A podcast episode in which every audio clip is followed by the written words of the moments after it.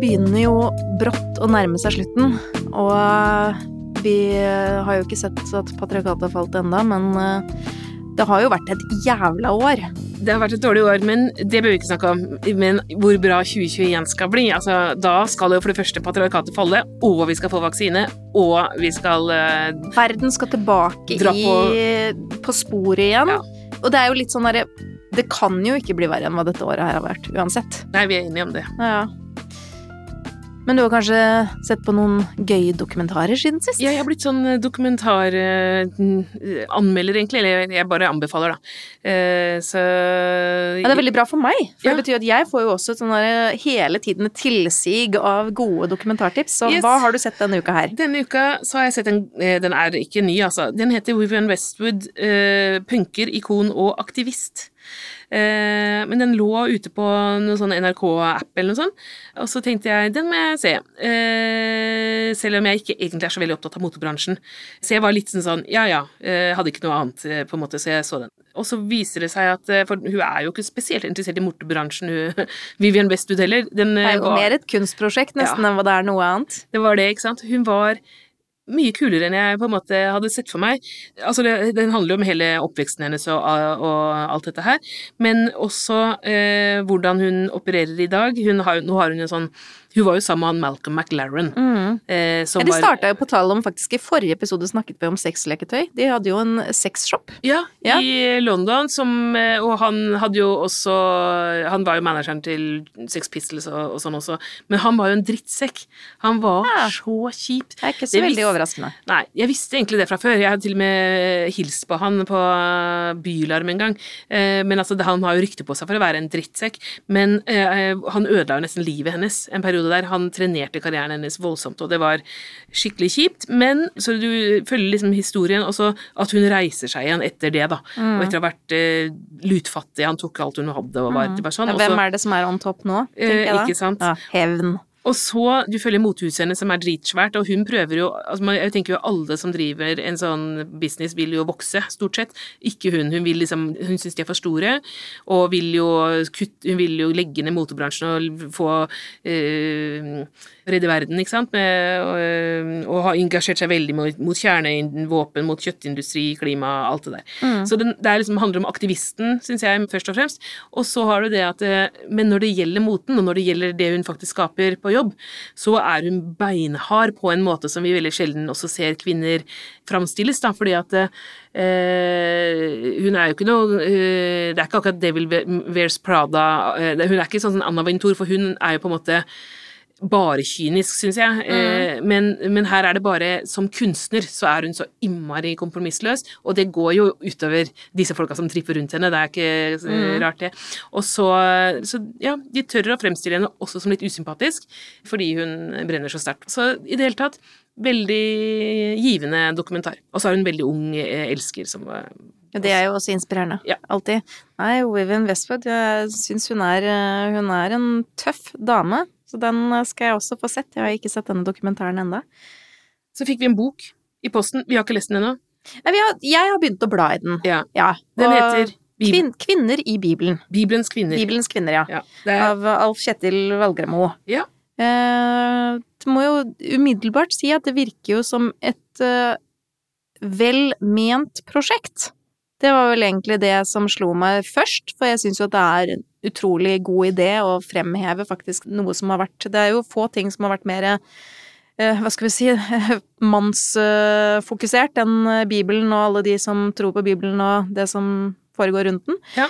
Men jeg ble jo nesten, når jeg begynte å lese de første kapitlene, så ble jeg nesten enda mer desillusjonert.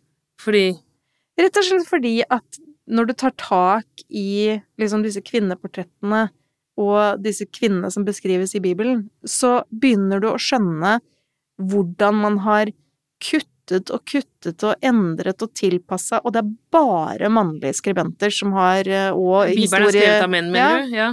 Bibelen er skrevet av menn, og det er veldig tydelig hvordan man har nærmest hatt det som en prosess å sørge for at kvinnen skal ha sin rolle med å være underdanig mannen. Man kommer jo liksom i boken med litt sånne teorier og eksempler på at eh, det fins eh, gamle Sterke damer. sterke damer, men også i mm. materialet at det fins eh, At man har hatt en retning innenfor kristendom eller innenfor religion, da, for dette er jo Gammeltestamentet, så dette er jo Mm. grunnlaget også for flere religioner. Men man har hatt eh, et utgangspunkt hvor Gud skapte mann og kvinne i sitt bilde Mm. som like, Mm. av samme utgangspunkt. Men hvordan den delen av historien har man bare virkelig skrapa tidlig. Når du sier mann, så mener du liksom eh, disse evangelistene og Ja, de De som slapp til med å skrive Paulus, for eksempel, og var jo den kjipeste av dem. Ja.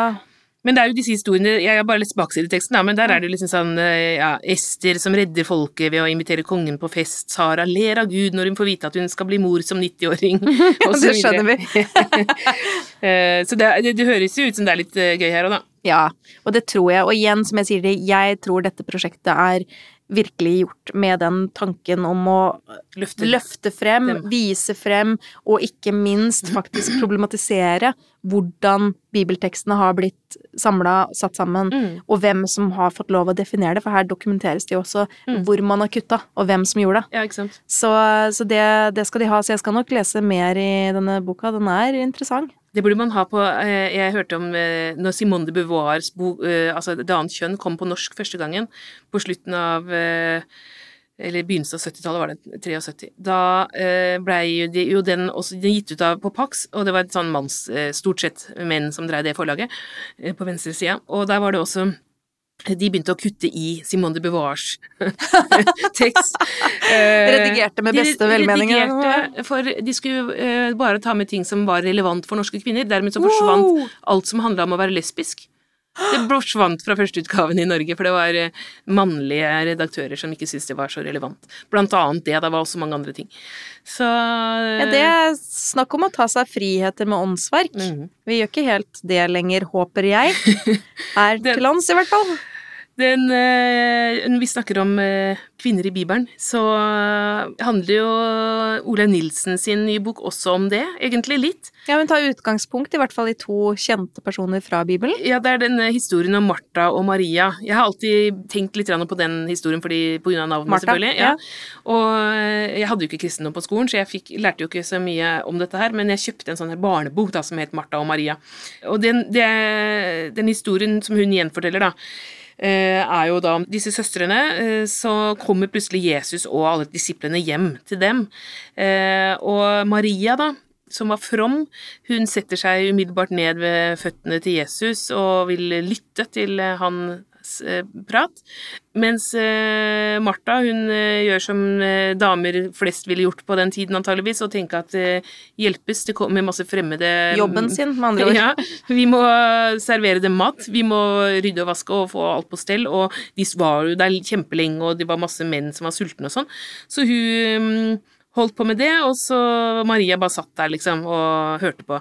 Og så blei jo Marie, nei, Martha sur, da. For det her kan du ikke komme og hjelpe til, liksom, eh, når det er så mye å gjøre. Og så da hadde Jesus forsvart eh, Maria at, eh, med at hun vil jo bare lytte til Herrens ord, og det, nå må du slutte å mase så mye. Eh, det var ikke akkurat sånn, da, men ikke, som sagt, jeg hadde ikke kristendom. det var sånn cirka sånn. Eh, og dette tar jo eh, Olaug Nilsen utgangspunkt i, for hun har irritert seg over denne historien før, over at på en måte Maria kommer på, heldigst ut av dette. At det er hun Mm. som liksom er heltinnen, mens Martha burde ta seg og slappe av litt. Og det er jo utgangspunktet for hennes roman, da, fordi at der er det en tilsvarende historie fra i dag, da, hvor hun da løfter fram dette her med at eh, den som velger eh, omsorg, da. Mm. Hvorfor mm. er det den som har tatt feil valg? I, i dagens samfunn så sier man ofte sånn eh, du må, nå må du huske på å ta vare på deg selv og ikke bare tenke på andre. Og at jeg er veldig opptatt av Mm. at den typen råd, mens hun tar på en måte den andre posisjonen, eller forsvarer den andre posisjonen nå. Ja, og her tittelen på boka er jo 'Yt etter evne, få etter behov'. Ja. Og det, det sier jo også noe om at liksom det Man skulle tro at det var det du putter inn, er det du får tilbake, Mm. egentlig. Men så er det jo ikke sånn. Det er jo ikke sånn. Nei, det Nei. er ikke sånn det funker. Nei. Det er jo på en måte jo mer du putter inn, jo mindre får du tilbake. Ja. Kanskje det skal Eh, bli litt mer sånn åndelig og bare få lov å sitte helt musestille og høre på at noen snakker, da. Ja, det høres jo unektelig litt behagelig ut, men, Men det går eh, ikke det blir ikke noe samfunn av det. nei, hvis du har en unge med oms spesielle omsorgsbehov, da, som eh, dette handler om, så um, er det ikke noe valg, det, å så si at kan du ikke bare Du må huske på å passe på deg Passe på selv. deg det er selv, viktig med selvomsorg og sånn. Husk pedikyr, det er viktig. Det, du kan ikke si det til noen som uh, ikke får det til å gå rundt. Nei. Så det er budskapet hennes, og det er, den er jo veldig tett opp til den Tung tids tale, den forrige boka hennes, og dette Mm. Så som egentlig er sterk.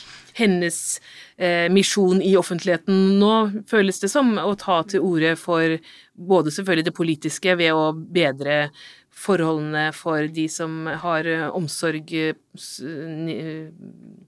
Altså det, det er jo det nære Ja, du har mm. behovene, de nære behovene, de omsorgsbehovene, men du har jo også liksom eh, Og den er jo også ganske uh, nært beslekta med Sandra Lillebø sin Mm. bok, som også handler om det her liksom å være nærmest liksom et offer av den oppveksten du har hatt, og med psykisk sykdom i familien. Tingenes tingenes tilstand, tilstand. har du lest den? Jeg har lest den. Ja. Den er eh, Og jeg må si, jeg syns at jeg liker det å drøfte denne type temaer, som er ganske tunge temaer, eh, litterært. Mm. Det, det setter i gang så mye i meg når jeg leser de bøkene. Eh, og, og det er nok det som begge disse forfatterne her har gjort med sine prosjekter, da. For meg så handler det ikke om virkelighetslitteratur, det handler om at man litterært håndterer Akkurat, ja, jeg, jeg forskjønner det, men jeg tenker at akkurat i den sistnevnte der, så Mm. har jo dette vært veldig en stor del av debatten, da. At, den, Mm. at den handler om hennes liv og hennes mor. Og hun har jo innrømt det helt åpent. Det har hun. Så dermed så Jeg forstår Ja. veldig godt at en del anmeldere tok tak i den Mm. eh, ballen i det tilfellet, for det har på en måte vært helt åpent at det handler om moren, og at moren ikke setter pris på boka, Nei. Eh, og det er vel spørsmålet om moren i det hele tatt er i en tilstand hvor hun kan Mm. eh, vurdere det. det er, men det er en tøff historie, og det er jo liksom eh, Men med Sandra Lillebø, det er jo Hun skriver jo veldig godt. Hun skriver kjempegodt, og det er virkelig en av de beste bøkene jeg har lest nå i høst. Mm. Apropos, vi, vi snakka litt om bibelske damer. Eh, Det har jo vært Jeg, jeg leser ikke vanligvis eh, Vårt Land, eh, burde jeg sikkert gjort, men, men jeg leser Gyrid Gunnes, som vi har Som vi har nevnt her før. Ja, for hun skriver jevnlig i, i Vårt Land, er feministteolog, og hun skrev et innlegg i Vårt Land for noen uker siden som har tatt helt fyr. Eh, Ja, jeg lurer på hvorfor. ja, nei, altså det var jo da Jomfru Maria-historien, eller det som de kaller for bebudelsen, altså det vil si når han engelen Gabriel kom ned og sa du, eh, tenåringsjente og jomfru, er nå gravid.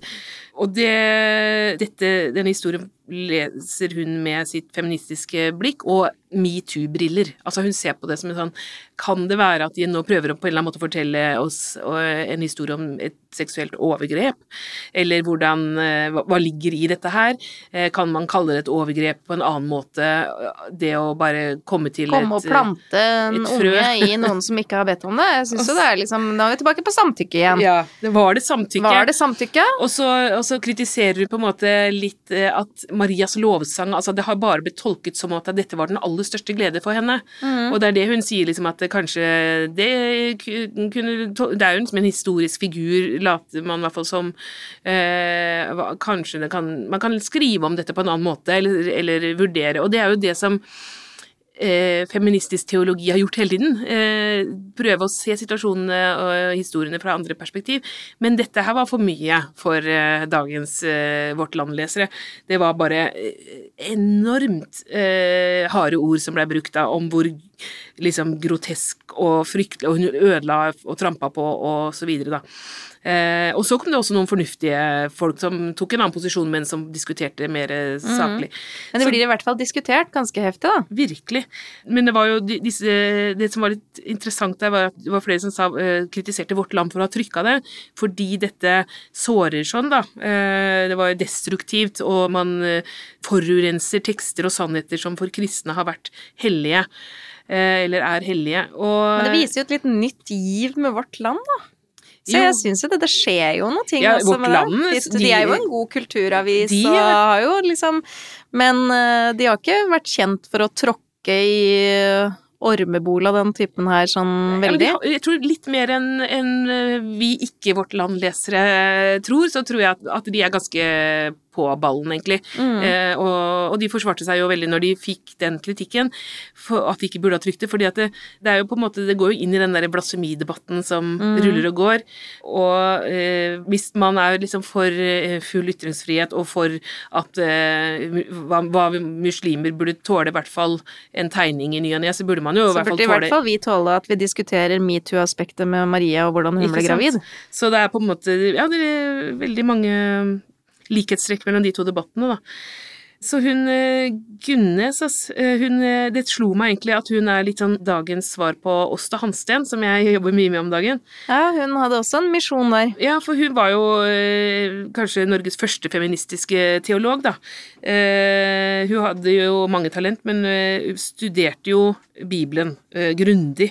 Var veldig mm, irritert på kirken og mm, teologene som støtta seg til Bibelen hele tiden når de skulle argumentere for hvorfor eh, kvinner burde være underdanige og eh, annenrangs mennesker, og brukte jo disse historiene da, om kvinner i Bibelen, ikke sant, Mhm. og hvordan de hele veien har Og, og ikke minst Maria-rollen. Men eh, hun, Åsta Hansten tolka jo dette på en helt annen måte, og sa jo eh, at eh, ifølge Gud så er jo også kvinnen skapt i hans bilde som et fullt og helt menneske, og hun viser til masse steder i Bibelen hvor det står at hun er et fullt og helt menneske eh, som ikke da bare er en eh, liksom, ribbeina mann eller en, eh, -hmm. et tilbehør.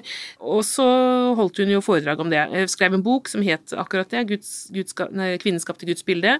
Eh, veldig sånn Jeg kjøpte den. Det er jo ikke lett eh, greier, men jeg ser jo at det er jo Det er på et høyt nivå. Det er virkelig liksom Det er derfor jeg for- Hun har gått dypt inn i materie. ja, det er derfor jeg mener å si at det, man kan faktisk kalle henne en feministisk teolog, selv om hun ikke Selvfølgelig var det ingen kvinner som fikk lov til å kalle seg teologer på den tida, men, men det er jo det hun er. Og eh, holdt foredrag i Kristiania, som det het da, København og Stockholm, basert på den boka, og det var den foredragsturneen som som blei ganske sånn eh, dramatisk, nesten, fordi at eh, hun blei så mobba. Eh, Hun var jo første kvinnen på en talerstol i Norge. Eh, folk kom nesten alle Det var ingen som kom nesten for å høre på det. Alle de kom bare for å pipe henne. le, og det blei traumatisk for henne. Og hun hadde jo allerede opplevd ganske mye trakassering før den tid, i avisene og stygge karikaturtegninger og alt sånt.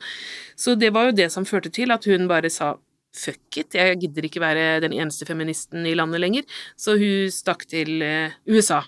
Eh, for der visste hun jo at det fantes en kvinnebevegelse.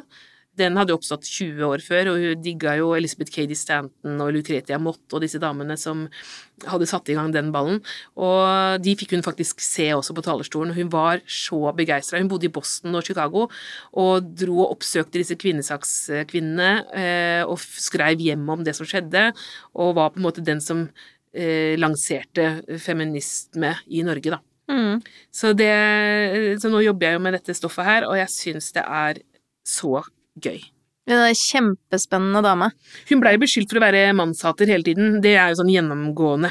Eh, altså suffragettene, alle de på den tida blei jo beskyldt for det, vi blir jo ofte det sjøl fremdeles. Ja, ja, det er veldig mye snakk om dette mannshatet som skal være så innmari alt oppslukende og gjennomsyre hele feminismen og nærmest alle kvinner som befatter seg med den.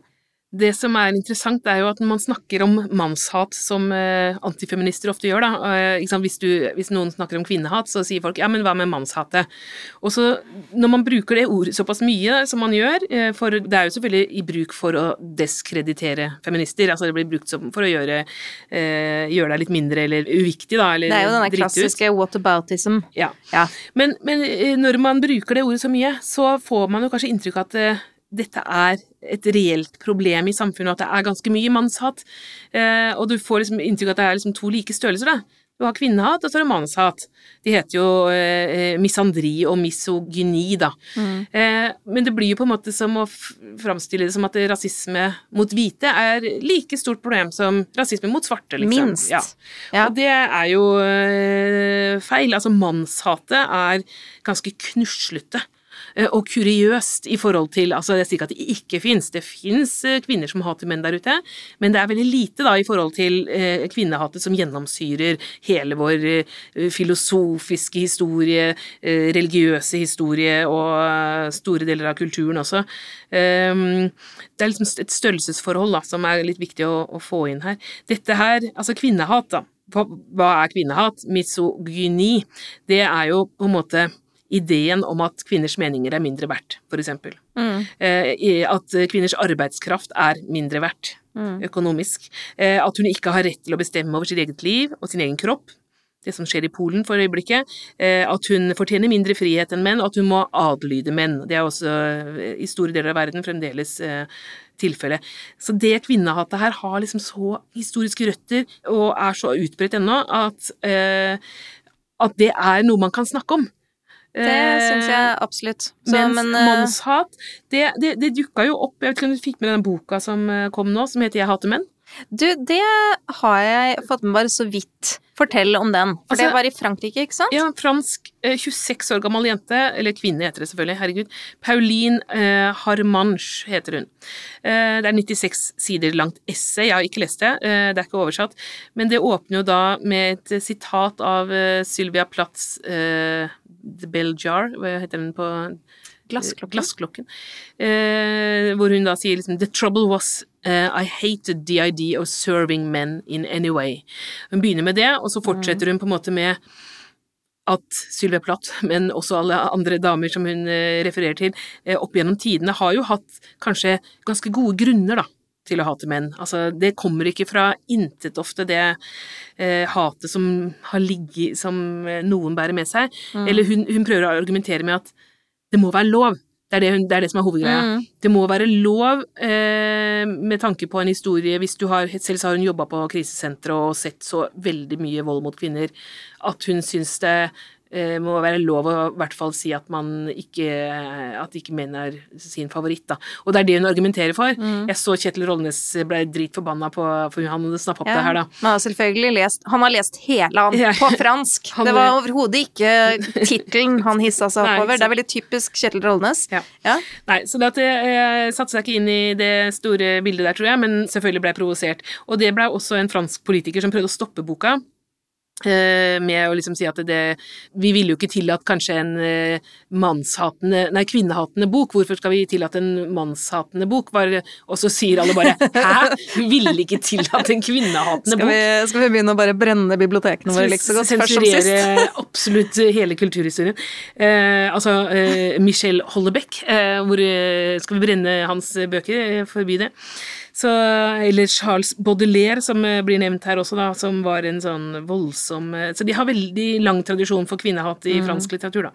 Ja, men jeg er også eh, litt blind for det, og så er det liksom så, så, veldig typisk alt mulig som man skal tåle. Kvinner skal tåle å bli harselert med, og religion skal tåle å bli harselert med, og hudfarge skal nesten tåle å bli harselert med også, men menn de får man ikke lov å hate. Nei, det er liksom ikke det, Jeg skriver litt om Altså, hate Det er ikke bra å hate eh, et, Hat er jo et veldig lite konstruktivt En liten, lite konstruktiv følelse, det er jo det. kan man jo si. Men det som er eh, Som på en måte jeg tror hun argumenterer for, da, i den artikkelen jeg så, og som jeg kanskje også har argumentert for, er at det må være i hvert fall lov å være forbanna.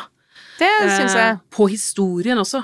Eh, på, på eh, Ikke sant? At det, jeg ser på noe av mitt oppdrag nå på å, rive noen av de verste mannshatterne litt ned fra eh, podiet, da. Mm. Eh, gjennom, det er liksom den der nye tegneserien jeg lager med Jan Urdal, handler litt om det.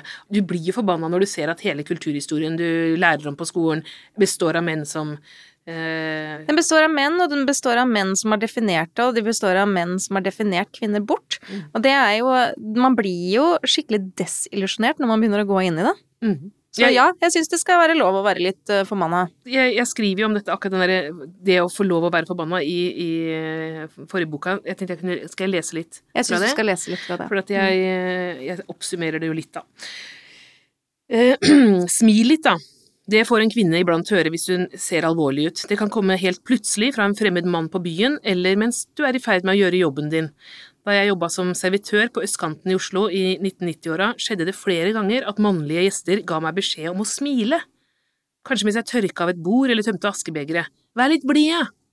Jeg kan aldri huske å ha hørt en kvinne kreve å få et smil fra en fremmed mann. Men en dag så gidder du bare ikke mer. Kanskje du slutter å anstrenge deg for å framstå sympatisk, slutter å smile, flørte, dekke over, og da kan det hende at andre følelser presser seg fram i stedet, som ekte sinne. Som når jeg sitter der ved arbeidsbordet med en bunke biografier om mine skrivende forgjengere og leser om hvordan de blei behandla i sin samtid, da kan jeg kjenne at det begynner å koke på innsida. Det har slått meg at vi i større grad aksepterer at andre, undertrykte grupper bærer med seg et sinne over historien, enn at kvinner gjør det. Det forventes at kvinner har gjort seg ferdig med det. Dette at den litterære kanoen er full av kvinnehat, er for eksempel bare noe vi ikke bør henge opp så for mye opp i. At pensum flyter over av kvinneforaktende menn, det må vi bare akseptere, for de var jo bare menn av sin tid mens kvinnehat blir behandla som en kuriositet, et svakt personlighetstrekk kanskje, men det er ikke noe vi bør la overskygge resten av hans store ideer og kunstnerskap. Men kvinneforakten er jo ofte blitt båret fram av filosofer og humanister som burde ha visst bedre, for dette er jo mennesker som har vært opptatt av frihet og rettferdighet, og som har løfta fram demokrati og likeverd, men altså kun for menn. Skal vi bare slå en strek over det? Det klarer jeg rett og slett ikke, i hvert fall ikke når jeg er aleine, jeg klarer ikke å se mellom fingrene på det, vise overbærenhet, jeg blir forbanna. Jeg blir forbanna på den franske dikteren Charles Baudelaire, som hevda at kvinnen er like enfoldig som dyrene. Jeg gidder ikke lese noe som helst av beatforfatteren William Burroughs, for ikke bare skøyt han kona si i en mislykket drikkelek, han uttalte også at kvinnen er en evolusjonsfeil som burde elimineres. Skal jeg overse det og heller fordype meg i noe av det andre han skrev? Skal jeg tilgi Nietzsche og Kant, Arthur Schopenhauer, Otto Weininger, August Strindberg eller Halvdan Koht? Nei, det fortjener det ikke. Jeg tilgir heller ikke all den møkka som mannlige kritikere har prestert å skrive om kvinnelige kunstnere opp gjennom tidene, faen ta dere, Georg Brandes, Jappe Nilsen og Arne Hestnes. Jeg er forbanna på mannlige historikere og biografiforfattere som behandler kvinner som uviktige bifigurer. Kanskje tilgodeser dere henne med et par avsnitt i mursteinsboka om mannen. Hvorfor har dere ikke vært mer nysgjerrig på kvinnen? Stort sett så biter vi det i oss, for vi vet at dersom vi blir sinte, så kommer dere til å avskrive oss, og da blir vi utdefinert. På baksida av min egen bok Født feminist står det en setning som irriterer vettet av meg. Marta Breen holder den feministiske fanen høyt, uten å miste humøret av den grunn. Jeg burde selvsagt aldri ha latt det bli stående. Det var et forsøk fra forlagets side på å ikke skremme bort potensielle lesere, for hvem gidder vel å lese noe som er skrevet av en sur feminist? Allerede i 1970-åra forsøkte noen seg på denne strategien, den aller første nyfeministiske gruppa i Norge kalte seg nemlig Blid, men beinhard så selv beinharde 70-tallsfeminister følte altså behov for å presisere at de egentlig var blide. 40 år senere mener noen at likestillingen har gått for langt. Da tenker jeg i mitt stille sinn at de burde prise seg lykkelig over at vi kun er ute etter likestilling, og ikke hevn.